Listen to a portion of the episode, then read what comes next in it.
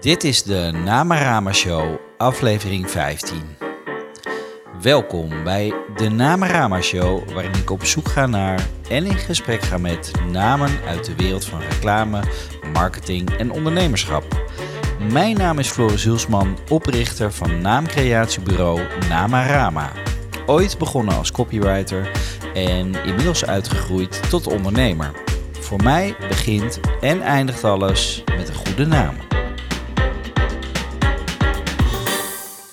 Vandaag gaan we het hebben over numerologie en spiritualiteit.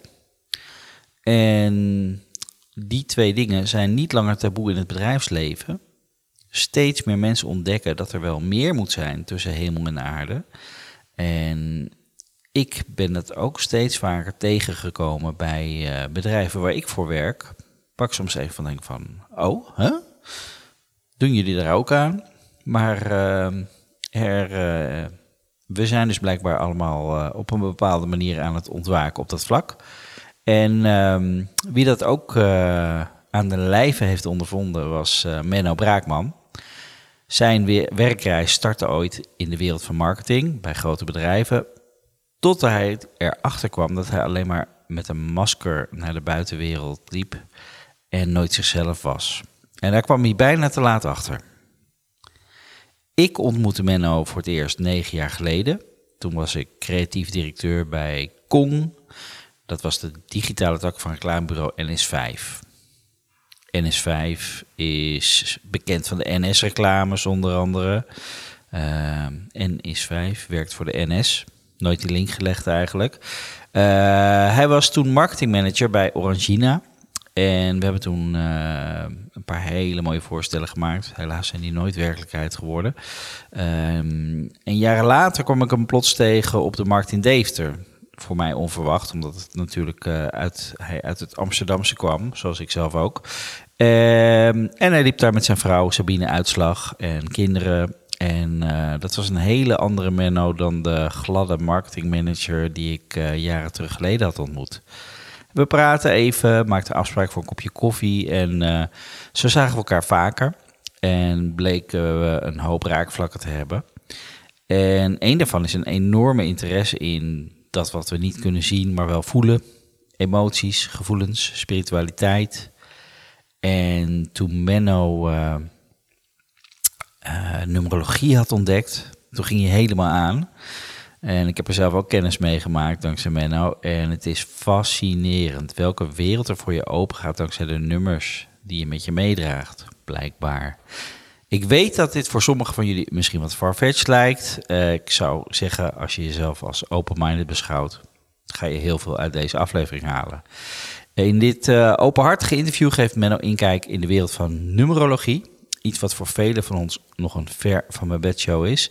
En de wetenschapper in Menno ging op onderzoek en ontdekte de kracht van de nummers. Ze geven woorden aan dingen die we vaak wel voelen, maar moeilijk kunnen zeggen.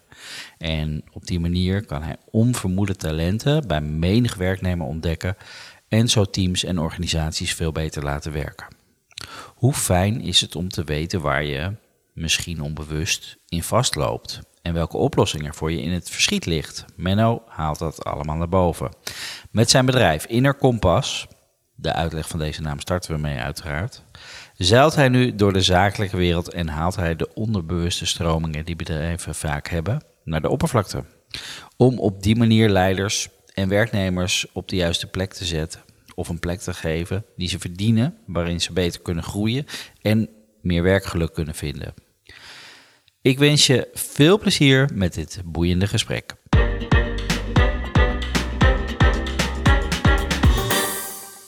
Menno Braakman van Inner Kompas, welkom in de Namarama Show. Dankjewel, Floris. Ja, leuk dat je er bent. Uh, we kennen elkaar uh, al wat langer. Eigenlijk nog zelfs uit een vorig werkverleden. Ja. Kunnen we het ook nog wel over hebben. Uh, maar ik begin het liefst natuurlijk bij jouw bedrijfsnaam Inner Kompas. Hoe lang bestaat die naam en waar komt die vandaan? De naam bestaat ongeveer anderhalf jaar. Uh, ik ben wel al zo'n drie, vier jaar bezig met uh, de concepten en de ideeën achter uh, Inner Kompas. Um, ja, hoe is dat zo ontstaan? Ik heb eigenlijk mijn persoonlijke verhaal En ook wel wat ik graag wil delen vaak met eh, mensen in sessies. En eh, heb ik verteld aan eh, mijn vrouw en een designer. En zij kwamen samen eigenlijk steeds meer met namen en ideeën hoe dat dan visueel, maar ook qua naam eruit zou kunnen zien. Ehm, en mijn vrouw kwam eigenlijk met het idee van, volgens mij moet je dan eh, iets met kompas of innerkompas eh gaan doen. En waarom? Nou, wat zit daarachter? Ehm ik heb zelf heel veel gestuurd eh, in het verleden op eh, de buitenkant, op mijn buitenkant, buitenkant van bedrijven. Ik werkte in de marketing en de media. Ehm, Imago neerzetten. ja, ja, precies dat. En dat kon ik zelf ook heel goed. Als eh, kind ge- gepest, als eh, op middelbare school gepest. En dat is natuurlijk niet leuk, maar het, het zorgt er ook wel voor dat ik gefascineerd raakte door wat drijft mensen, wat drijft groepen mensen. Eh, en na dat middelbare schoolavontuur had ik bedacht: hé, hey, maar als ik nu mezelf krachtig neerzet, bovenop die apenrots gaat staan, dan eh, word ik ook niet meer zo snel gepest. Dus ik had eh, een mooi mechanisme gevonden. Ik moet gewoon wat, wat imago eh, neerzetten, wat maskers opzetten. En met bepa- bepaald gedrag is het makkelijk overleven. En zo had ik sociaal de, het masker van de nar. Dus ik kon heel goed gek doen. En de alfaman, achter de vrouwtjes aan en heel, heel erg aanwezig. En Op welke leeftijd maakte je die omslag oh, dan? Ja, studententijd. ja, ja. ja. Ja, 18, 19, eh, zoiets. En eh, zakelijk op een gegeven moment ook in mijn werk eh, de professor. Dus ik wist alles van alles. Ik wist ook wel veel dingen, want ik las van alles. En, eh, maar dat was ook mijn eh, modus, zeg maar. Mensen eh, laten zien hoeveel ik eh, wist. En ook eh, daarmee eh, de shine pakken. Maar eh, het, het resultaat is dat ik wel heel veel resultaat kon neerzetten met alles wat ik wist. En ik kon ook wel aardig eh, erover vertellen. Maar mensen kregen niet zoveel verbindingen met mij en ik niet zoveel met hun omdat je gewoon weinig van jezelf laat zien. Ze weten, ja, wie is men nou nou? Ja, ik kreeg wel eens terug een beetje arrogant. Of eh, snelle jongen. Of eh, ja, lachen gast, weet je wel. Maar wie is die echt? Geen idee. ja. Dus ik had veel eh, niet echte vrienden en echte relaties. Wel iets wat erop leek, maar niet, niemand kende mij echt. Dus dan heb je veel drinkenbroeders en scharrels, zeg ik altijd maar. en op mijn werk vonden ze me in het begin altijd heel erg lachen en interessant. En na een paar jaar hadden ook zeker wel wat mensen last van mij. Ja. En op een gegeven moment eh, was daar eh, eh, mijn vrouw, die heeft mij wat rustiger gemaakt. En numerologie en, en een bijna burn-out hebben ervoor gezorgd dat ik ook echt iets ging doen met, met spiritualiteit. En eigenlijk erachter komen van, hey, wie ben ik nou echt? En ik hoef niet die buitenkant steeds neer te zetten. En niet te veel het noorden waar we denken dat het ligt. En waar, wie ik denk dat ik ben. Eh, daarop koersen. Maar eigenlijk koersen op wie ik echt ben en wie ik van binnen ben. Dus dan heb je ook zoiets als je ware noorden. En je hebt het noorden waar je denkt dat je naartoe moet gaan. Van Ja, jezelf precies. of van anderen. Dan, dan heb je misschien een soort eh, denkbeeldige kaart voor je. En Ja. dan zie je daar van, oh, de rest van de wereld lijkt mij succesvol omdat ze zo en zo doen. Zo, Ja. En zo moet ik ook doen. Ja, Maar vervolgens raakt, raakt je jezelf kwijt. En Ja. was een burn-out het gevolg. Ja, zeker. Ja. In ieder geval flinke burn-out klachten. En eh, eh, gelukkig eh, niet helemaal de diepte in weggezonken. Maar nou, de worsteling was wel compleet. En op een gegeven moment met, een, met burn-out klachten merk je dat je verbinding kwijtraakt met anderen. Hè, dus je gaat een beetje in je kokonnetje. En op een gegeven moment ben je ook de verbinding met jezelf kwijt. Van wie ben ik nou eigenlijk? En nou dat, dat gaat richting depressieve gevoelens, hoofdpijnen, weinig energie. En dat zorgt er eigenlijk voor dat je, dat je jezelf betere vragen gaat stellen van... Hey, hoe ben ik hier gekomen? En eh, doe ik wel de dingen die bij me passen? En wie ben ik echt? En waarom ben ik hier eigenlijk? Je gaat eigenlijk voor, je, voor het eerst in lange tijd weer goede vragen stellen De aan echte jezelf. vragen. Ja. Mooi. En dan die antwoorden, die, eh, die, die verschijnen dan op een gegeven moment wel. In ieder geval wat ik vaak merk, is als je klaar bent om antwoorden te ontvangen... dan verschijnt de gids in wat voor gedaante dan ook. Nou ja, ik werd door mijn vrouw doorgestuurd naar een numeroloog. En ik zei ook van, lieve schat, ik sta open voor van alles. Want ik weet even niet meer wie ik ben en waar ik naartoe moet. Oh, wauw. En als ik dan eh, voor een nieuwe baan kies of voor eh, ondernemerschap... Dan, dan moet ik er ook met 100% voor gaan kiezen. Want anders dan zit ik zo weer eh, thuis of ja, weer naar lage energie. Dus nou ja, en, en eigenlijk merkte ik dat de numerologie inzicht gaf in... wat zijn nou mijn, mijn echt mijn grootste talenten? En een aantal rollen die, die daarbij pasten, die deed ik al wel... maar dan niet in een context die bij mij paste. Mhm. Plus, ik had nog heel veel lessen te leren, want die komen ook, ook uit de, de numerologie. En die lessen was ik eigenlijk stelselmatig uit de weg gegaan. En in mijn geval was dat, ja, ik had heel veel maskers opgezet. Die mocht ik gaan afzetten. Is meer kwetsbaarheid tonen. Want vanuit die kwetsbaarheid krijg je verbinding met een ander. En ik had dus heel weinig verbinding met anderen en een ander ook niet met mij. Nee. Mijn vrouw is een van de weinigen die er meteen doorheen prikte. Die zei op de eerste date eh, tegen mij... Menno, wat een bla bla. Doe rustig. Als ik in je rechte oog kijk, dan zie ik een hele lieve, zorgzame man. Toen dacht ik... Oh, oké, ik kan gewoon mezelf zijn. Oh, wow. En wat een gave vrouw. Ik was meteen verkocht.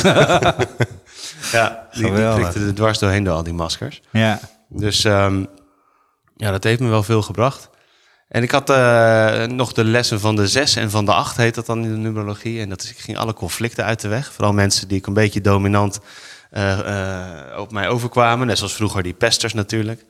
En dat vond ik wel heel eng om dan te zeggen, joh, ik heb last van jou. Of ik verlies energie als jij je zo gedraagt. Nou, dat uitspreken, nou, dat, is, dat is bijna twee lessen door elkaar. Hè? Dan stel je je en kwetsbaar op en dan ga je het conflict aan. En dan geef je eigenlijk aan op gevoelsniveau waar je, dat je last van iemand hebt. Nou, dat, is, dat is voor een gemiddelde man het engste wat je kan doen. Nou, en zeker waar jij vandaan komt. Eh, de weet je, ik zie eh, ja, uit de marketingwereld, Nijrode. eh, alfa mensen, heel Ja. veel ego. En Ja. dan opeens moet je, of moet je, wil je kwetsbaar zijn, jezelf openstellen, andere soort verbinding maken met mensen. Ja. Dat gaat niet van vandaag op morgen, lijkt me.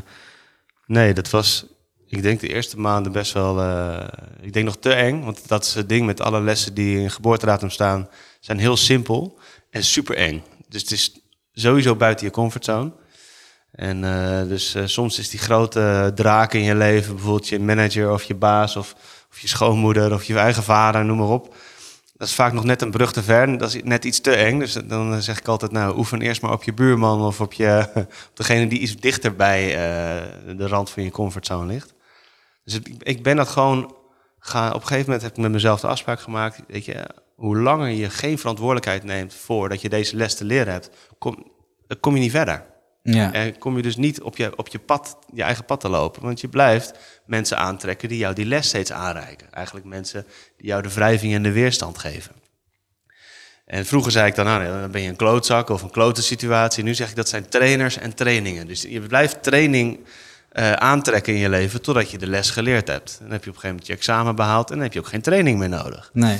En, dat En dan vallen die meer- mensen ook automatisch eh, weg. die type mensen wel, die je die les komen, komen leren. Daarna komen vanzelf weer mensen die je de volgende les komen leren. Totdat je in principe de lessen hebt geleerd die je dit leven graag wilde leren.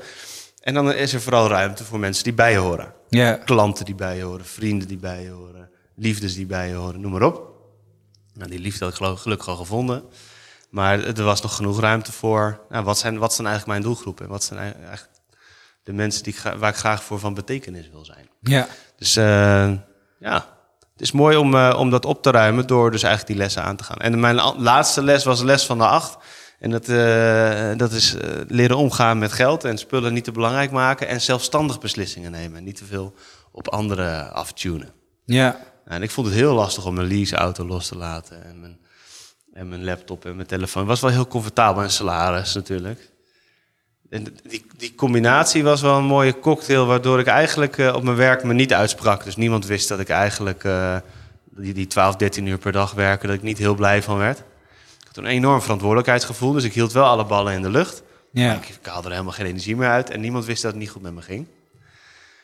Maar ja, en ik, ik dacht van, nou, als ik dan hier wegga, dan moet ik ook nog goed weggaan financieel. Dus dan ga ik ook nog eens een keer eh, de gesprekken over eh, die aan- niet aangaan, waardoor ik er misschien financieel minder uitkom. Dus ik, ik hield gewoon alle maskers op. Ja. Nou, op een gegeven moment dan, eh, dan loop je wel leeg, ja. Dus ik ben gewoon al die lessen daarna aangegaan. En het duurde wel een paar maanden. Toen heb ik met mezelf afgesproken, ik ga nu in ieder gesprek, aan het begin van ieder gesprek, iets kwetsbaars vertellen. Dus ik, iemand die ik al twintig jaar kende of net voor het eerst ontmoette, vertelde ik, ja, ik ben vroeger heel erg gepest. En dan keken ze me aan van, Jij? Waarom ga je me dit vertellen? En jij met je grote lijf? Wat is Ja. dus eh, het zorgt ervoor dat, en ik vertelde dat dan ook wel, het zorgt ervoor dat ik mijn masker niet opzet, waardoor je de echte Menno leert kennen vandaag. Dus ik word dan wat rustiger. Mm. En, het, en je leert me ook echt een beetje kennen als mens, in plaats van alleen maar iemand die ergens veel van weet of zo. Ja. En, eh, maar, maar ik vind het helemaal zo van die wereld van marketing en reclame kennende, dat die draait gewoon op imago's neerzetten of op Ja. maskers voor bedrijven neerzetten misschien wel. Ja. En dan zo'n eh, enorme omslag naar hè, jezelf zijn, kwetsbaar zijn, spiritualiteit. Ja. Eh, was je daarvoor al spiritueel? Was dat, of was dat een soort, nieuwe weg in je leven? Ik had wel altijd de neiging om te reflecteren. Dus dat zat er wel altijd al in van waarom overkomt mij dit of wat, wat, wat zit hierachter. Ehm ook wel een bepaalde gevoeligheid, zeg maar. Dus eh, wel dingen aanvoelen, maar eh, tegelijkertijd komt daar ook wel een kwetsbaarheid. En, eh, dus meningen uit de weg gaan of snel last hebben van meningen van anderen. Ehm, dat zat er altijd al wel in. Alleen ik heb dat nooit echt vertaald. Of nooit echt iets echt aandacht aan gegeven. Van wa- waarom is dat dan zo? Dus pas toen, toen ik mijn vrouw leerde kennen, die vertelde meer over dat soort onderwerpen. Over spiritualiteit of over dat alles energie is. Of we hadden het dan over geloof. En, eh, en eh, ja, dat, is ge- dat boeide mij ontzettend. En, dat, en ik ging me daardoor daar, daarin verdiepen, boeken lezen. Ja. En vervolgens ging ik iedereen vertellen over wat ik had gelezen. Als de professor, hè, Oh ja. professor Masker. Toen kreeg ik af en toe terug, ja Menno, wat eh, gaaf. En wanneer ga je er dan zelf wat mee doen met wat je allemaal gelezen hebt? Oh ja. Toen, dat was heel raak. ja. Toen zei ik van ja, ja, goed punt. Dus uiteindelijk was er wel urgentie nodig. En dat zijn dan burn-out klachten. En eh, even jezelf helemaal kwijt zijn. Urgentie was dus nodig om echt die transformatie aan te gaan. Om echt in ontwikkeling te komen. En dat zie je eigenlijk bijna in alle verander- of transformatieprocessen. Dat de echte transformatie komt vanuit urgentie. En niet alleen vanuit inspiratie. Dus eh, ik zeg ook wel eens, misschien is burn-out wel precies wat de westerse eh, mens nodig heeft om uit het individualistische ego-patroon te komen. Ja. Eigenlijk de natuur die tegen het lijf zegt, even stoppen nu, stilstaan, eh, worstelen, vertragen en ervoor zorgen dat je jezelf goede vragen gaat stellen. En, en dan pas eh, kom je in transformatie. Eigenlijk van rups naar vlinder, hè? dat is in de kokon komen, verstillen, vertragen, worstelen. En die, die worsteling is nodig zodat de levenssappen naar de vleugels gaan van die vlinder. En dat je uiteindelijk uit die kokon kan komen en straks kan vliegen. Ja, precies. Ik las dat als je in die vergelijking de kokon van een vlinder open helpt opentrekken, dat die vlinder meteen sterft. Ja. Omdat hij dat, dat proces van de uitbreken moet hij helemaal zelf doen. Ja, Anders overleeft hij het niet. klopt. Ja. Ja, eh, het argument om te stoppen met, eh, met bezemen als curlingouder. Hè, weet je, laat je kind zelf worstelen ja. en, eh, en, ehm, en bezem niet alle uitdagingen uit de weg. Want eh, ja, je hebt, je hebt het nodig. Je hebt het nodig om, eh, om, om uiteindelijk die vlinder te kunnen zijn. Ja, maar eh, voor, voor mensen die nog nooit van numerologie gehoord hebben, of dat ergens in de verte Hm. misschien hebben gehoord, eh, eh, zo iemand was ik ook. Het grappige was, jij hebt met mij ook een, een sessie gedaan waar je opeens allemaal hele rake dingen zei over de nummers die bij mij voorkomen. Dus ik Ja. was wel meteen gegrepen en ik geloof ook echt dat, hè, net zoals alles in de natuur tot nummers terug te brengen is, hè, zoals wiskunde een eh, en cijfers een uiting zijn van, van ook weer organische vormen. Nou, eh, je, alles, eh, de computer is het bewijs dat we alles in nummertjes kunnen vatten en toch weer echt kunnen maken. Ja. Maar ehm, het grappige was dat ik een paar maanden later bij een bedrijf zat en die vertelde meteen van eh, ja, we, we hebben hier ook met numerologie gewerkt. En ik zei van, hè, zo'n groot bedrijf, ook serieus met numerologie bezig. Dus er ging een wereld voor me open en het is een beetje soort van, ja, voor, mij, voor mijn gevoel eh, een beetje onder de oppervlakte. Ja. Maar blijkbaar zijn dus heel veel bedrijven eh, daar net zo serieus mee bezig als jij. Er zijn bedrijven die dat doen. Er zijn ook bedrijven die er net mee beginnen hoor. Dus het is, volgens mij is het inderdaad nu heel erg aan het opkomen. Dus dat is wel heel leuk. Dat Ja. het steeds zichtbaarder wordt en ook steeds meer mensen hebben het nu ervaren. Waardoor je eh, weet van oké, blijkbaar werkt dit. En voor mij was het ook een complete verrassing. En ik ben ook wel iemand, er zit ook wel een wetenschapper in mij. In mijn hoofd wil het eerst bewezen hebben, gevalideerd. Voordat ik met 100% zekerheid eh, dat, dat ga doen. En nu op mijn LinkedIn bijvoorbeeld zet, ik ben een numeroloog, weet je wel. Dat, dat is qua imago en kwetsbaarheid. Je krijgt gegarandeerd wel opmerkingen daarover. Ja. En eh, dan moet je daar ook wel eh, ja, eh, klaar voor zijn op alle niveaus of zo. Want je hebt opmerking gekregen als... Ja, wat, wat is dit nou, Menno, weet je? Nijenrode, marketingman, marketingtalent van het jaar... en in één keer ga je numerologie doen. Wat is dit? En dat, dat, dat, het is natuurlijk een enorme switch. Van uh, jarenlang bezig zijn met de buitenkant van bedrijven... naar uh, eerst maar de binnenkant van de, de leider van een bedrijf of de leiders... En de binnenkant van ja, waarom besta jij, waarom bestaat dit bedrijf, Wat, waarom zijn wij hier? En hoe kunnen we dan, als we kijken naar een organisatie, de, de taken en verdelen naar welke talenten hebben mensen en welke nog onontdekte talenten kunnen we nog gaan inzetten? Welke potentie zit er eigenlijk in deze groep mensen? En dat is heel erg interessant om zo te gaan kijken naar een organisatie. Om eigenlijk aan de binnenkant te starten. Wat, wat leeft er hier? Ja. Versus meteen starten met de vraag: um, waar is de meest interessante markt? Waar kunnen we het meeste geld verdienen? En waardoor je eigenlijk heel erg meteen begint met de buitenkant. En met, niet met betekenis en waarde en wie ben ik en waarom zijn we hier. Maar dan start je eigenlijk meteen met geld. En uh, we zien uh, wat dat voor gevolgen heeft voor de wereld en voor mensen als we te veel sturen op geld. Ja. En niks mis met geld, hè? dat is een mooi resultaat van de waarde die je levert. Daar geloof ik heel erg in. Maar uh, ik denk dat we wel met z'n allen doorhebben dat we terug mogen gaan naar de bedoeling en naar van betekenis zijn en van waarde zijn. Ook als je uiteindelijk meer geld wil verdienen, want klanten vragen dat ook gewoon van je. Die vragen van, van hun bedrijven waar ze, waar ze kleding kopen of voedsel kopen, noem maar op. Dat ze ook wel nadenken over, doe je wel goede dingen voor de wereld? En is dit wel kwaliteit of gaat het alleen maar over kwantiteit?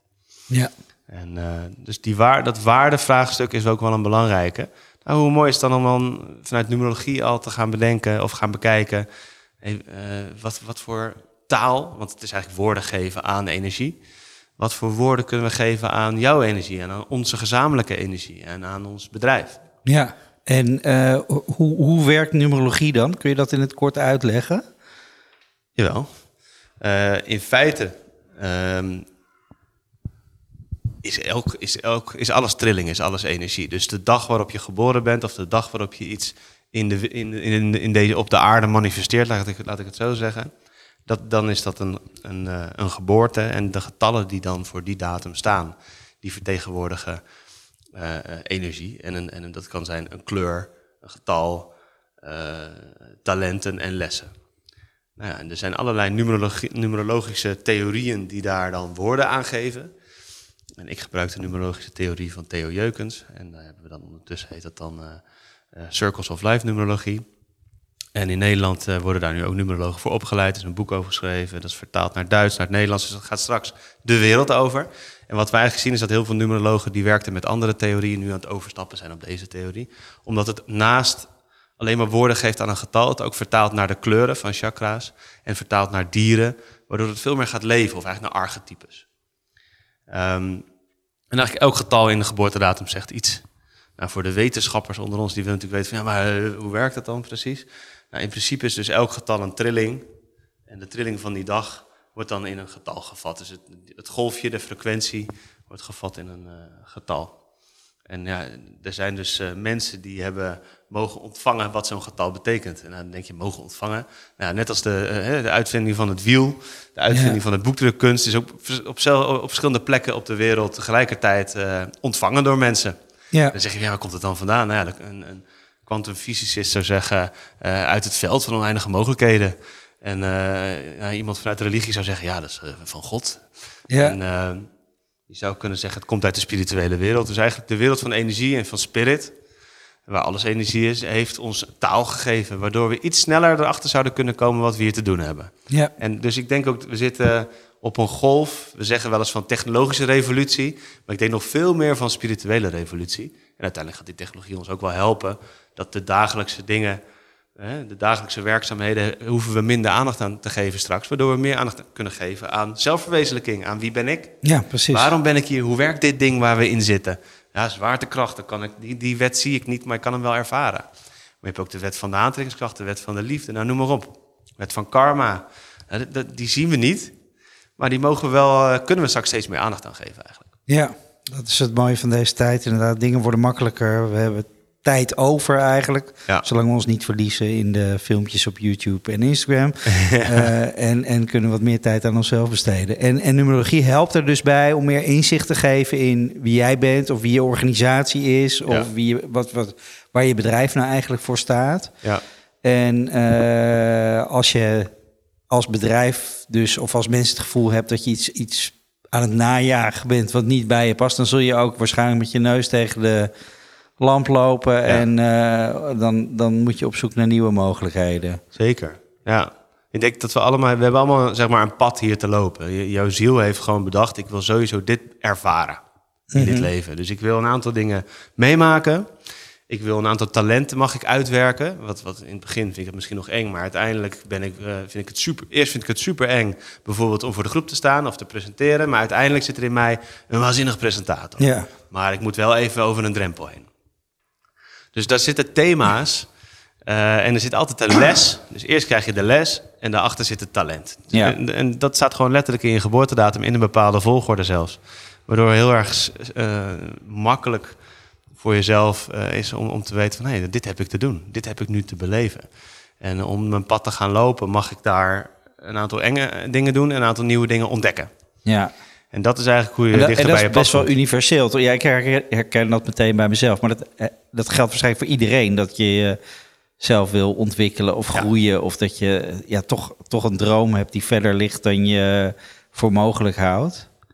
Ja, dat geldt voor iedereen. Er zijn ook mensen die het heel goed, heel lang voor elkaar krijgen om eh, alle lessen uit de weg te gaan en vooral gewoon eh, in de comfortzone te blijven. Of, of zeg maar te settelen voor eh, dit is mijn rol in het gezin. Hè? Wat eigenlijk onze ouders, de oorlogse, naoorlogse generatie, die hebben de Maslow-pyramide ook echt eh, zo meegemaakt. Wij draaien hem om voor onze kinderen. Wij starten met zelfverwezenlijking. Wie ben je eigenlijk? Ja. Wat zijn jouw talenten? Ga daarmee aan de slag. Terwijl onze, kinderen, onze, onze ouders kregen mee. Zorg ervoor dat je je, je geld hebt en je huis eten. En... eten voor elkaar. En, en, en als dat oké is, dan kom je misschien ooit een keer toe aan zelf- zelfverwezenlijking. Ja.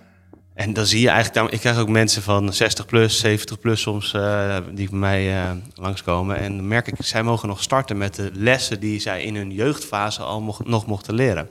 Dus zij, zij moeten nog beginnen met zichzelf ontwikkelen. Ja. Je ziet ook dat bijvoorbeeld dat onze generatie die in beweging komt en in ontwikkeling komt, inspireert weer hun ouders.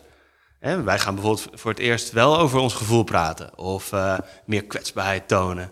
Ja. Of eh, het conflict aan, de moeilijke gesprekken in het gezin. Nou, daar, daar waren de vorige generaties echt niet van. Dus de lessen van de drie, van de zes. Nou, die worden dan nu, eh, doordat voor het eerst over gevoel wordt gepraat, ook met ouders, gaan zij dat in één keer ook meer ontwikkelen. Ja. Dus En, en eh, ondertussen staat de wereld ook wel een beetje op zijn kop. Ik bedoel, dingen van Trump tot Brexit tot klimaatverandering. Ja. Eh, denk je dat dat ook eh, mee, mee, dat dat een deel is van die, van die nieuwe ontwikkeling in, in spiritualiteit Ja. en, en mensen die anders gaan kijken naar dingen? Zeker. Ja. Dus, dus, dus als alles een, eh, een, als het een universele wet is, hoe je in on- ontwikkeling komt, in transformatie, en dat je dus altijd van rups naar kokon naar vlinderstaat gaat. En dan kan je wel zeggen dat we aan het worstelen zijn op dit moment. Hè? Ja, we, zitten, we zitten als wereld wel eh, in, een, in een worsteling. En ik denk dat er nog wel meer crisis nodig is om echt eh, eh, naar een grote volgende sprong te gaan. Als je kijkt dat één op de zeven Nederlanders burn-out klachten heeft, dan zijn we toch met z'n allen zijn we heel goed bezig om in die cocon te komen, of niet? Ja, En dan zeggen we wel eens van, nou, waarom hebben we veel. zoveel coaches in Nederland? Nou, ik snap het wel. Ja, We hebben gewoon heel veel mensen nodig die ons helpen eh, om richtingaanwijzers te krijgen. Hoe kom ik uit die cocon en welke richting moet ik dan opvliegen? En een deels helpt het dan dat je misschien vanuit je geboortedatum daar woorden, eh, woorden krijgt en taal en richtingaanwijzers. Maar heel veel van die richtingaanwijzers kun je gewoon vinden in jezelf. In je emoties, in je energieniveau. Eh, waar verlies ik energie? Waar krijg ik energie? Waar word ik enthousiast van? Waar word ik boos van? Waar, word ik, waar ben ik bang voor? Ja, want in het begin werd burn-out een beetje weggezet als van dat komt omdat je te druk hebt en omdat je geen, geen nee hebt gezegd. Ja. Maar eigenlijk is het omdat je je compleet onbetekenend voelt of helemaal niet iets doet wat helemaal niet in lijn met je, Ja. met je eigen waarde ligt. Ja, heel erg dat. Ja, De Aboriginals zeggen dat ook. Het is een mooie film, Down to Earth. Het is een Nederlands gezin wat de wereld over reist. En die komen bij, ook bij de Aboriginals. En dan zegt een, eh, zo'n wijze Aboriginal vrouw van... eh, eh, eigenlijk zit in ieder lichaam zitten ziektekiemen. En die ontkiemen pas als je je pad niet loopt. En als je weer op je pad loopt, dan heb je gewoon een veel sterker lijf. Hmm. En dan is je lijf helemaal klaar voor eh, de reis en, en, en om van betekenis te zijn. En hoe verder je dus van je pad verwijderd raakt en eigenlijk niet luistert naar de signalen. En je lijf geeft signalen, je energie, je emoties geven signalen. De weerstand en de wrijving op je pad zijn ook signalen. Daar mag je iets van leren, daar heb je iets te doen. Als je die niet aangaat, dan ga je ook je pad niet lopen. Dus dan blijf je een beetje in die comfortzone zitten. Ja. Maar, of je blijft de verkeerde kant op lopen, dat kan ook. Dus zij gaf eigenlijk heel mooi weer van, eh, eh, ja, weet je, het wordt wel duidelijk gemaakt wanneer je pad niet loopt. En iets anders wat ze zei, wat heel raak was, eh, is dat in alle spirituele boeken en alle zelfhulpboeken staat dan, je moet gewoon je roeping volgen en je dromen Jezelf en je zijn. En, en toen, als ik dat las, dacht ik altijd, ja shit, ik heb geen eh, droom, roeping en passie ding. Dus hoe eh, ga ik dit nu doen? Ja. En, eh, en die aboriginal vrouw zegt van, ja, je hoeft alleen maar je pad te gaan lopen en dan komt je bestemming vanzelf naar je toe. Nou, dat geeft best wel rust. ja. Je, hoeft niet meteen al je bestemming te weten. Je hoeft niet precies te weten van, hé, hey, eh, ik, ik ga helemaal daar naartoe. Juist onderweg maak je steeds koerswijzigingen. En net als in een zeilboot ga je vaker overstag. En soms kom je er halverwege achter van, nou, deze haven eh, die in Engeland, dat wordt niet eh, eh, Zuid-Engeland, het wordt Noord-Engeland. Ik wil toch een andere een koers. Onderweg kom je daarachter. Omdat je in contact bent met jezelf en ook met de omgeving. En dat brengt ons weer terug op jouw bedrijfsnaam. Dat zeilen is ook een enorm ding voor jou, toch? Zeker, zeker. Ja, water is altijd al een thema eh, voor mij geweest. Eh, ik denk dat bijna mijn hele familie bestaat uit zeilers. Mijn ouders hebben elkaar ontmoet bij zeilwedstrijden op de Kaagweek. En eh, ja, van, van baby af aan zit ik in een zeilbootje. Dus voor mij is dat echt een, eh, een ding. Dus dat heb je ook onderdeel van je bedrijf gemaakt, zeilen. Ja, ik, ik, ik ga graag met, mijn, eh, met teams zeilen, met, met klanten in coaching. Ook soms stappen we op een boot. Om, omdat je ook ervaart hoe het is om zelf aan het roer te staan, zeg maar. Maar ook om te itereren en eigenlijk, eigenlijk te koersen op winddraaiingen en op weet je, te- aan te voelen hoe de natuur voelt. Of zelfs stroming of golfslag. Het, er zitten zoveel mooie metaforen in, ook zoveel waarheid in als je gaat zeilen. Dus ik heb daar, eh, ja, voor mij is het een feestje sowieso om op het water te zijn. Ik laat daarvan op. En ik merk gewoon dat daar heel veel te zien valt. Ja. Ik ben laatst met een directie gaan zeilen, een middag. En die ochtend hebben we elkaars numerologie gedaan. Noem ik dan een persoonlijk kompas en een teamkompas sessie. En, eh, we kregen, eigenlijk geef je taal aan waarom hebben jullie soms last van elkaar. Ja. Of hey, waarom ben jij altijd aan het pleasen en geef jij je grenzen niet, eh, niet genoeg aan? En je zag eigenlijk precies dat gedrag aan boord weer terugkomen. Het was een soort levende systeemopstelling aan boord. Ja. Ja, dat is gewoon een feestje. En je merkt gewoon dat het waren alleen maar mannen. En die gingen dan over hun gevoel praten die dag opeens. Dat is wel heel raar. Voor hun ook. En dan zeggen ze, jongen, eh. Hoeveel- Zeiden ze ook steeds tegen elkaar. Hoeveel bier is daarvoor nodig? Helemaal niks. Nee. Er was nog geen, helemaal nul bier voor nodig. En Geweldig. dan was van, ja, spreek je gevoel uit. Of geef je grenzen aan, was het dan onderweg. Van, ga je het conflict wel aan? Of mag ik ook even achter het roer? Ja. En een jongen die wilde voor de gezelligheid zorgen, net als op zijn werk. Dus die was op zoek naar een eh, stopcontact voor eh, de speaker. Eh, alleen we voeren aan de wind, windkracht 5, flinke golfslag op het IJsselmeer. Dus hij is vijf minuten beneden in, eh, in, in het zeilschip, in het vooronder. En hij komt echt groen naar boven. En eh, ja, dat was wel zijn thema, ook in het bedrijf. Hij wil voor iedereen zorgen en zorgen dat het gezellig is en leuk is. Maar zelf wordt hij er kotsmisselijk Hij van. vergeet zichzelf. Ja, Ja. Hij zorgt niet voor zichzelf. Dus hij is de hele dag misselijk geweest. Ah. Ja, dus het was een soort levende eh, systeemopstelling waar we elkaars lessen ook gewoon konden zien.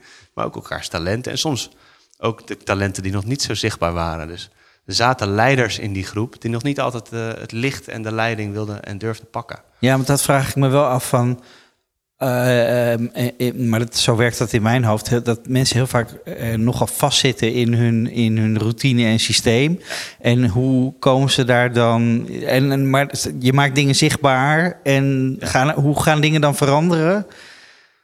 Nou, kijk, je, op een gegeven moment weet je, dus ik geef er woorden aan, aan talent. Dus je weet van, hé, hey, dit is een talent van mij. En ergens heb ik het wel als ontdekt. Ik, er was bijvoorbeeld een, een, eh, een financieel directeur, die noemt zichzelf de stille kracht. Hè, die, die, die geeft het ritme aan en die analyseert. En die, achter de schermen eh, is hij echt eh, waanzinnig van waarde. Maar eigenlijk was zijn bestemming om de leider te zijn en de inspirator. Ah, Maar hij zei, als je me zes jaar geleden had gevraagd... wil jij deze presentatie geven voor het hele bedrijf? Had ik het niet gedurfd. Maar eh, laatst waren er dan een paar... eh, was er een lastig eh, event. was een jongen die was overleden. Een van de medewerkers. En eigenlijk alle directeuren hadden het er erg zwaar mee... maar hij had zoiets al eerder meegemaakt in een ander bedrijf. En zei hij van, nou, ik, ik ga wel voor de groep staan. Ik ga wel voor alle medewerkers het verhaal vertellen... ook namens de directie wat er is gebeurd... En, En hoe het er nu voor staat. Dus hij ging eigenlijk zijn bestemmingsgetal, de één, de leeuw, de, de inspirator, voor de groep staan, de leider, ging hij neerzetten. En dat ging hem waanzinnig goed af. Ook al vond hij het nog steeds wel doodeng. Maar hij deed het. Dus je krijgt uiteindelijk ook wel, nou, wanneer je er klaar voor bent, steeds vaker doorkijkjes naar, oh, eigenlijk heb ik, ben ik hier wel goed in. Sterker nog, ik ben hier heel goed in. En, uh, en dat mocht ook steeds meer zichtbaar worden. En waardoor hij dat ook steeds meer ging durven. Of ging zeggen, oh, dat doe ik wel. Ik vind het fascinerend, want ik zit te denken, de meeste coaching gaat over een spiegel voorhouden. Maar dit gaat eigenlijk verder. Dit gaat over een soort van Ehm, ja, ik, ik, kan nog niet de juiste metafoor vinden. Potentie. ja, je laat, je laat echt een vergezicht zien eh, en, en mogelijkheden. Ja. En als mensen het zien en herkennen, dan kunnen ze er ook echt naartoe gaan. Precies. Ja, ik zeg wel, soms zie je aan de overkant van de tafel, uh, in de boardroom of in je team, zie je een eikel. Maar eigenlijk is dat een potentiële eik. Dus iemand met heel veel potentie. En sommige talenten weet je nog helemaal niet dat die er zijn. Die persoon weet het zelf misschien nog niet eens. Ja, ja. En je ziet ook heel veel lastig gedrag waar je last van hebt. En vaak is die persoon dan nog iets aan het leren. Het kan zijn dat het een vrij dominant persoon is, dus die heeft nog wat empathische lessen te leren. Het kan ook zijn dat het juist een vrij stil persoon is. En je hebt geen idee wie die, wie die mens is. Ja. Van waar heb ik je nou? Ik weet het niet. En je zegt overal maar ja. Nou, waarschijnlijk iemand die vrij sensitief is. Dus als je dat soort dingen weet over elkaar, dan kun je dat ook makkelijker benoemen. Je opent een communicatiekanaal. Dus dan kun je eigenlijk benoemen, ik heb last van jouw gedrag. Ja. Dus niet op inhoud het conflict of op proces, maar op gevoelsniveau en op betrekkingsniveau. En op, en op het gebied van talent ga je zien van, hé, hey, maar als dit jouw potentie is, dan geef ik je gewoon een keer wel die rol of die taak. Dus je gaat elkaar veel meer ook inzet, inzetten vanuit potentie. En als je ook kijkt naar onderzoek, bijvoorbeeld op het gebied van positieve psychologie, hebben ze bijvoorbeeld een onderzoek gedaan op Harvard. Eh, waar ze een IQ-test deden aan het begin van een jaar. Eh, alle studenten hadden een IQ-test gedaan. En hebben ze tegen de docenten gezegd: deze twee studenten hebben de hoogste score op deze IQ-test. Maar dat was niet zo. Dat waren, die hadden de laagste score. Ah. Die hebben eigenlijk de docenten een beetje voor de gek gehouden, de professoren. En aan het einde van het jaar hadden die twee studenten de hoogste cijfers. En de beste prestaties. Die wisten dus ook niet dat ze dat laag gescoord hadden. Die, iedereen werd voor de gek gehouden, als het ware. Dus eigenlijk als jij de potentie van de ander ziet en voelt... dan ga je dus die ander ook heel anders benaderen. En ga je misschien wel veel meer vanuit potentie aan de slag met die student, met je kind, met je mede-collega. En dan wordt het dus een heel ander verhaal. Ja. Het laatste boek van uh, Rutger Brechtman heet geloof ik. Wat nou als we ervan uitgaan dat alle mensen deugen? Wat nou als we naar de potentie kijken van de ander? En de potentie van dit team? Dan, dan zijn we niet bezig met uh, bedreigingen en uh, lastig gedrag. En, maar gaat het nou maar weer fout? Juist. Ja. En eigenlijk is dat wel een beetje een stroming waar ik iets mee kan. En ook waar numerologie eigenlijk hele ware inzichten in geeft. Omdat je die ook nog eens een keer, iedereen voelt ook wel, dat klopt. Ja, dat je gewoon, je kan, het is gewoon een soort shortcut om naar misschien ingewikkelde dingen binnen een bedrijf daar meteen woorden en, en, en duidelijke termen aan te geven. Ja. En dan kunnen mensen het daar eens of oneens mee zijn, maar vervolgens wel mee aan de slag. Ja, het mooie is dat dat 80% herkenning is, waardoor iedereen zoiets heeft van dit is niet normaal. Ja. Hoe goed het klopt. Uh, en dat 20% is nieuw. En dat nieuwe zit in, hey, die, dat talent had ik nog niet bij jou gezien. En het nieuwe is, oh, jij hebt deze lessen nog te leren. Daarom ben je af en toe zo lastig in mijn ogen. Ja. Dus eigenlijk lastig gedrag wordt verklaard. Ja. Maar dat is iemand wat, als iemand in ontwikkeling komt, dan gaat die persoon daarmee aan de slag. Daarom werk ik ook vaak zowel één op één als met teams. Dus in de één op één sessie kun je al het een en ander aanzetten. Uh, gaan mensen al in beweging komen op die thema's. Ja. En in het team krijg je veel meer empathie. En, en wat is dan het beste moment om jou in te schakelen? wat, van, van, wat, wat is nou echt een kantelmoment waar jij het, het beste ja. op in kan steken? Ontstaan van een nieuw team, sowieso. Of, of een kick-off eh, van uh, als er nieuw, weer nieuwe medewerkers uh, zijn. Of twee bedrijven samen gaan bijvoorbeeld. Ja, ja zeker. Fusies zeker. Uh, conflict situaties.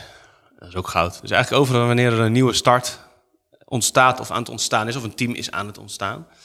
Uh, dat zijn wel hele mooie momenten. Maar ook crisis, zeker. Ja. Want uh, dat is natuurlijk uh, wanneer een team in ontwikkeling mag komen, dan helpt het heel erg als je richtingaanwijzers krijgt van wie dan en waarom. En waarom hebben we dan crisis en wie heeft dan last van wie. Nou, daar is altijd genoeg te doen. Ja. Dat, is, en dan, dat is een mooi moment om dat open te breken. En het is, het is precies waar Google heeft daar veel onderzoek naar gedaan. Wat zijn de meest succesvolle teams? En de meest innovatieve teams, hè, dat hebben we natuurlijk nodig tegenwoordig. Eh, veel wendbaarheid, Ja. adaptiviteit. En eh, de nummer één succesfactor is psychologische veiligheid. Dus dat betekent als je met een gek idee komt dat je niet uitgelachen wordt. Of als je wat kwetsbaarder opstelt in een team, dat dat, er, hè, dat, dat mag. De grootste angst voor de man is kwetsbaar overkomen.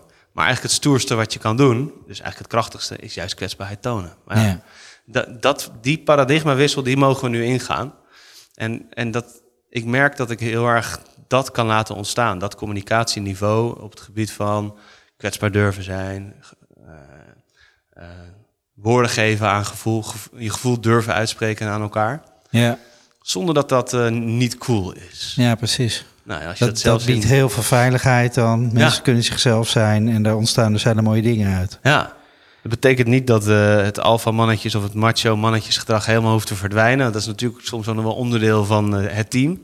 Maar dat wanneer je merkt van, hé, hey, ik heb nu echt last van jou, dat je, omdat je al eerder dat gesprek hebt gevoerd, is het kanaal er gewoon. Dat, dat communicatiekanaal is geopend. En kunnen we makkelijk één op één, of soms ook in de groep, dat benoemen. En Ja, er zijn ook wel mensen die hun rol daar meer op gaan pakken. Dat het wel, die olifant in de kamer wel wordt benoemd. Precies. Weet je, weet je nog bij Menno op de zeilboot? Mag ik het er nu weer even over hebben? Ja. dat kan dan waarschijnlijk. Precies. En dat het Ja, ook gewoon onderdeel wordt van je meeting. Ja, Van hoe, hoe voel je eigenlijk? En vaak doen we dat wel bij de check-in eventjes. Hè? Dat is tegenwoordig heel hip. oh ja? Begin van de meeting doen we een check-in. Wat what's on your mind?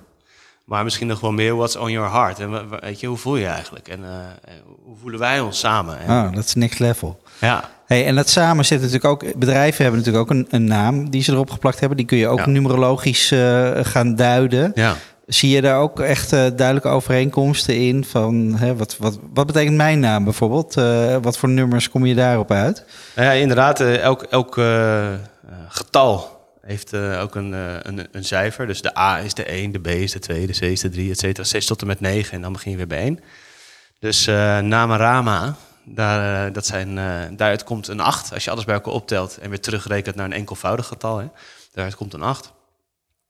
En de 8 staat voor eh, de natuurlijk leider die zijn eigen pad loopt. En staat voor zakelijkheid, zakelijk succes.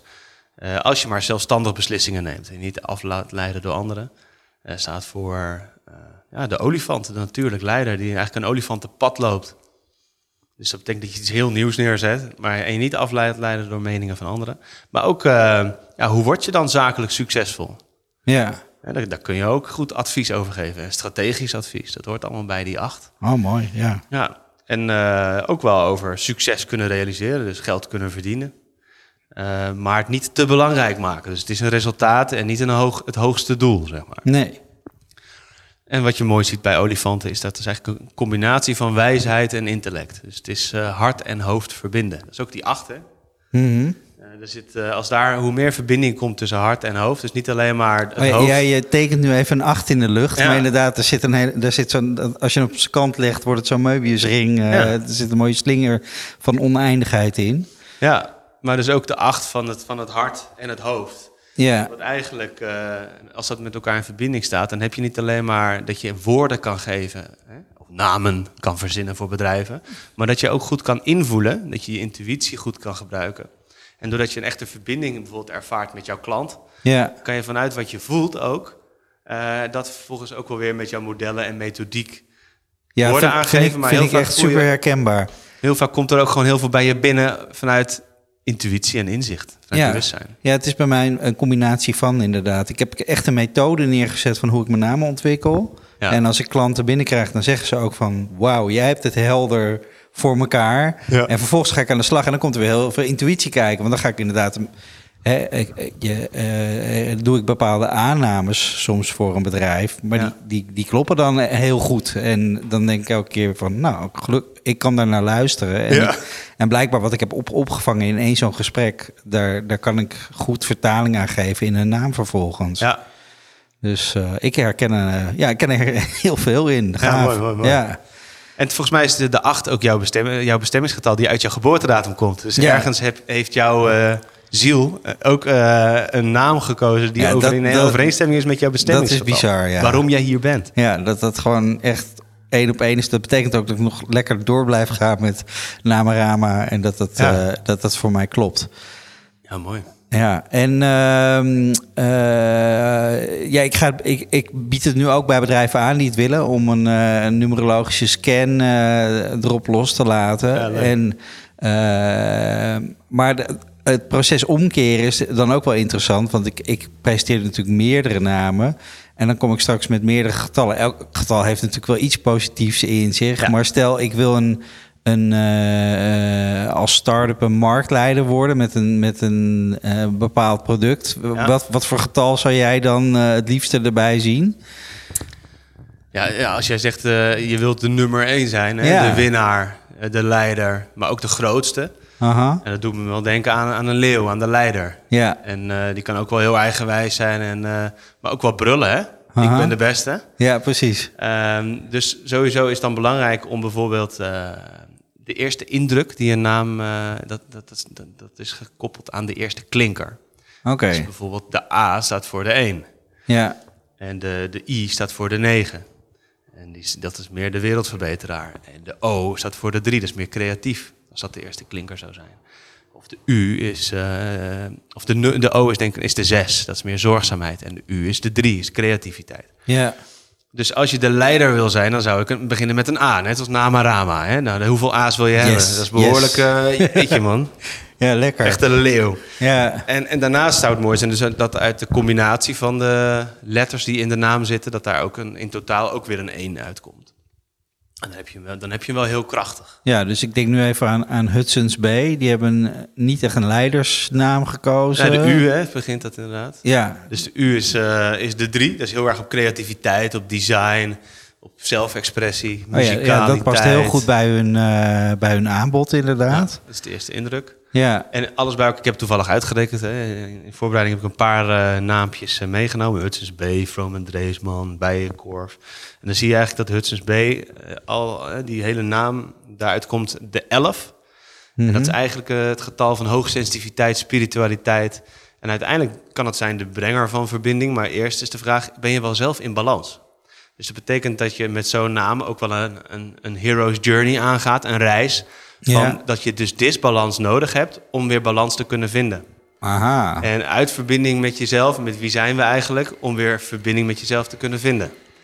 Nou ja, ik denk dat ze in Nederland die hero's journey wel redelijk eh, zijn gestart. Ja, in hun eigen land eh, zijn ze super succesvol. Ja.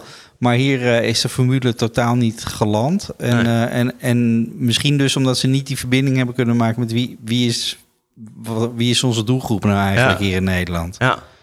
En wie, wie de verbinding is kwijtgeraakt is Vroom en Dreesman dan. Ja, Wat- en plus, wat, wat ik nog daarnaast interessant vind, zijn ze, eh, zodra het even niet lukt, trek je dan meteen de stekker eruit.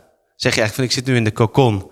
Eh, nou, eh, we, we, we beëindigen deze vlinder. Ja, Deze rups, die vlinder nog moet worden. Of gaan we, gaan we juist de journey aan? ja, Dan gaan we itereren en gaan we goede vragen stellen. Wie zijn we dan in Nederland? ja, Wie zijn we dan in Europa? Ik denk in Nederland, want Europa is heel verschillend, ieder land. ja. Dus het lijkt mij, eh, weet je, een beetje doorzettingsvermogen is ook wel nodig natuurlijk. Die, worsteling is dus nodig. Die hebben ze niet herkend ja. als ze proces. Ze kwamen ze- hier voor de snelle winst. Ja, ja, ja. Maar dat past niet zo goed bij, eh, bij vlinders, snelle winst. wel bij leeuwen trouwens. Oké, ja, ja, ja. En, en, en nou, ik weet niet of ik snelle winst heb behaald, maar dat is een ander onderwerp. Eh, maar Vroom en Dreesman dan? Ja, die pak ik er even bij. Vroom en Dreesman. Even kijken hoor. Vind ik nog steeds een prachtige naam natuurlijk. Ja. Twee, twee achternamen verbonden eh, en, en natuurlijk iconisch. Ja.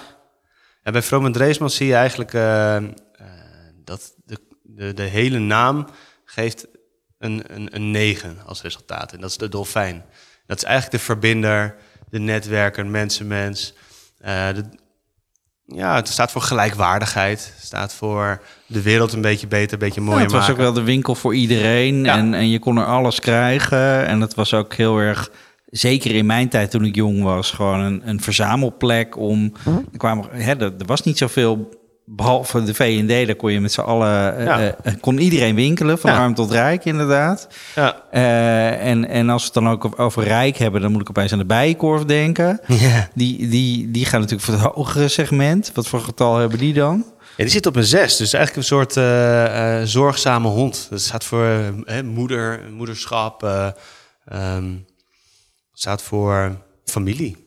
Oké, maar dat is meer pamperen en, en verzorgen. En Ja, krijg je, dan, dan snap je die he- ook een soort, soort, hele soort eh, afdeling met geurtjes en cremmetjes. ja, ook. Maar ook een soort eh, moeder waar meerdere kinderen in, in plaats kunnen nemen. Hè? Het shop-in-shop verhaal zou je, kunnen, Oh, ja. zou je kunnen vertalen. Ja, En dan is het ook wel weer logisch. En ze hebben al eerste indruk is eh, de ei. Dat is een 7. En dat, dat is eigenlijk dat, dat, dat het verschillende maskers kan aannemen. Dus, je dus kan, die, die eerste letter bedoel je dan de eerste letter van de bijenkorf. Dus ei. Ja, de lange dan- ei. Ja, ja, ja. dat is dan de klinker. De eerste klinker. En dat maar. is de eerste indruk die je ja, de eerste indruk is dan, geven. die je dan zou hebben is een 7. Dat is de uil, de wijze uil. Ja. Dus het is een bepaalde mate van wijsheid die het uitstraalt. Maar ook wel verschillende maskers die het op kan zetten. Dus nou ja, het, het heeft natuurlijk ook wel allerlei verschillende buitenkanten. Ja, de etalage vind ik het beste voorbeeld ervan. Precies. Die, die, daar is de bijkorf de natuurlijk indruk. erg goed in. Ja, ja, ja. Oh, wauw.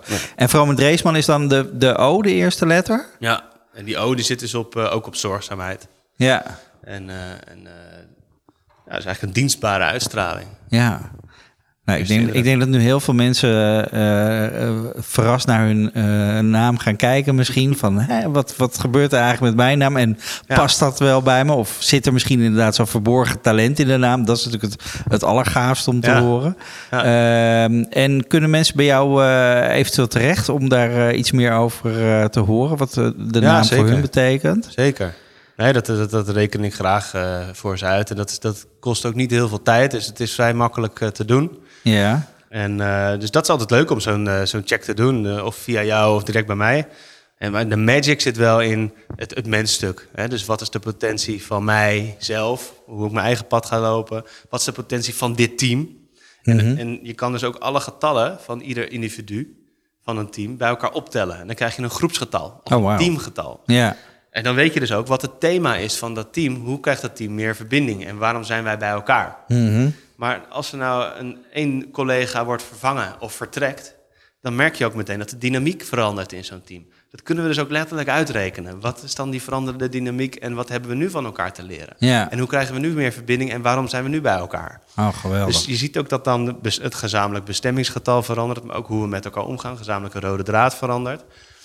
En dat, daar zit heel veel waarde in. En natuurlijk de waarde dat je de ander helemaal kan gaan zien. Ik denk meteen, je moet een vacature eruit zetten voor... We willen alleen iemand die geboren is op... Ja, ik krijg best wel veel vragen van ondernemers die ik heb geholpen. Van eh, Menno, ik heb nu een sollicitant, kan je even meekijken? Ah, ja, precies. En natuurlijk heb je dan, je hebt in ieder getal zit een talent. Dus het zou kunnen zijn van, ja, hier zit een potentiële leider. Ja, Maar voordat je die leider bent, vind je het eerst misschien nog doodeng om de leiding te pakken. Dus de vraag is, heb je je lessen al geleerd waardoor je dat talent al een kracht is geworden? Of heb je die lessen nog niet geleerd? ja. Nou ja, je kunt je natuurlijk gaan ontwikkelen binnen een team of binnen een bedrijf. Alleen de voorwaarde daarvoor is vaak wel psychologische veiligheid, autonomie. Eh, mag je, mag je, heb je ruimte om je te ontwikkelen? Mag je je ding wel op jezelf, mag je kwetsbaar zijn? ja. Ehm, als dat er niet is, als dat niet in de cultuur zit, of in de, manier van leiding geven, dan zeg ik veel, dat jullie cultuur is niet geschikt voor ontwikkeling en deze persoon heeft misschien de les nog niet geleerd. Dat kan je uitvragen in het gesprek. Tuurlijk. Ja, Hè, durf je voor de groep te staan? Pak je de leiding? Ja, Pak je de leiding in je gezin? Daar voel je je veilig? Ja, op je werk nog niet? Dan heb je die les nog te leren. En dan is dus de vraag, ja, gaat, gaat diegene het hier wel ontwikkelen? mooi. Nou, en als er dus wel een goede cultuur is, dan zou ik zeggen zeker aannemen. Ja, Is die cultuur er nog niet? Dan gaan we eerst daarmee aan de slag. En waar begint dat? En ze zeggen wel eens, de vis begint aan de kop te rotten. Dus we moeten beginnen bij het hoofd. We moeten beginnen bij eh, de directie, de leiders, de oprichters. Dus de voorwaarden voor een, een passender cultuur, voor een, een, een nieuwe organisatie die eigenlijk zich natuurlijker organiseert, is transformatie van de leiders. En het begint sowieso bij de formele leiders, maar ook de informele leiders. Dus eigenlijk je eigen. Wat zijn informele leiders? Ja, dat zijn de mensen die niet de positie hebben. Oh ja. Maar wel- Functioneel staat er niet manager of directeur. Maar uiteindelijk, eh, als die persoon spreekt, dan is iedereen eh, stil. En dan wordt er ook wel geluisterd en ook wel wat mee gedaan. Ja, De informele leiders. Ik denk eigenlijk als die, die mensen met hun ontwi- ook echt in ontwikkel, ontwi- ontwikkeling komen, dan gaan ze ook meer zichzelf zien en hun rol in het systeem zien.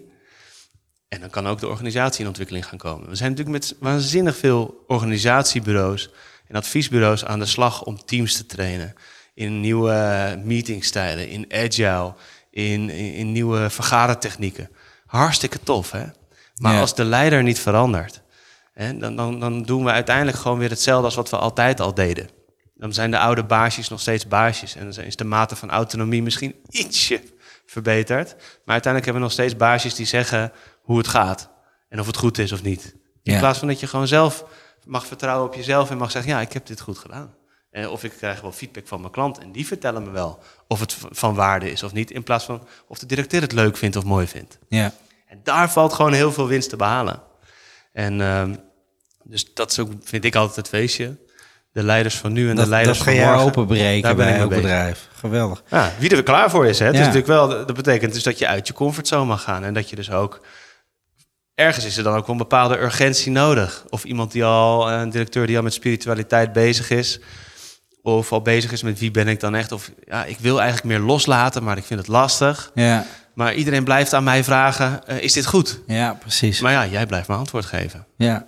Dus ga jij boven op die apenrot staan? Of zeg je, nou, we zijn geen apenrots meer. We zijn nu eh, meer een stam. Of we zijn nu meer een cirkel in plaats van een piramide. Ja. Maar dat begint wel dat jij in die cirkel plaats gaat nemen. Als een van de medewerkers. Dan hebben we- zijn we niet meer een directeur met personeel. Ja. Die tijd gaan we achter ons laten. Oh, mooi. Ja. En als mensen eh, bij jou een scan eh, willen ontvangen, hoe eh, kunnen ze jou bereiken? Eh, kunnen ze gewoon even mailen naar menno.inner-kompas.nl of even naar mijn website gaan www.inner-kompas.nl. Nou, En super. dan, eh, dan kan ik wel een snelle scan maken. En ben ik ook nieuwsgierig naar wat daarachter zit. Ja. ja, ik kan er wel eh, cijfers en wat woorden aangeven. Dan vind ik het ook leuk om eh, wat meer te horen van... eh, ja, waar, waar sta je dan nu als ja, bedrijf? maar ik denk, En ik denk dat als je dit dan? gesprek gehoord hebt, dat je ook wel snapt wat er, wat er kan, wat voor magie er kan ontstaan. Ja, Als je eens gaat kijken naar de nummers die bij jouw naam en bedrijf horen. ja, En wat er vervolgens voor ja, verborgen talenten uit kunnen komen. Dat lijkt mij waanzinnig interessant. ja, nou ja, zeker.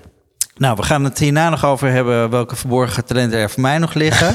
Dat lijkt me ook heel spannend. Eh, ik wil je in ieder geval heel erg bedanken voor je, ja, voor je openheid. En eh, ja, echt een inzicht in deze wereld die volgens mij veel mensen nog niet eh, kennen. Ja. En ehm, ja, super om dit meegekregen te hebben. Dankjewel. Heel graag gedaan. Jij bedankt. Het was een eer. Dankjewel. Dit was de Namarama Show. Ik wil je hartelijk bedanken voor het luisteren weer. Heb jij misschien een interessante gast voor deze show? Meld hem even bij me aan. Misschien ben jij het wel. Eh, je kunt me mailen op floris.namarama.nl En vind je dat meer mensen dit ook moeten luisteren? Zet dan een review op iTunes. Dan help je ze om deze podcast beter te kunnen vinden. Deze aflevering werd weer schitterend afgemixt door de Podcast Factory in Amsterdam. En de muziek die je hoorde werd verzorgd door Epidemic Sound. Tot de volgende keer.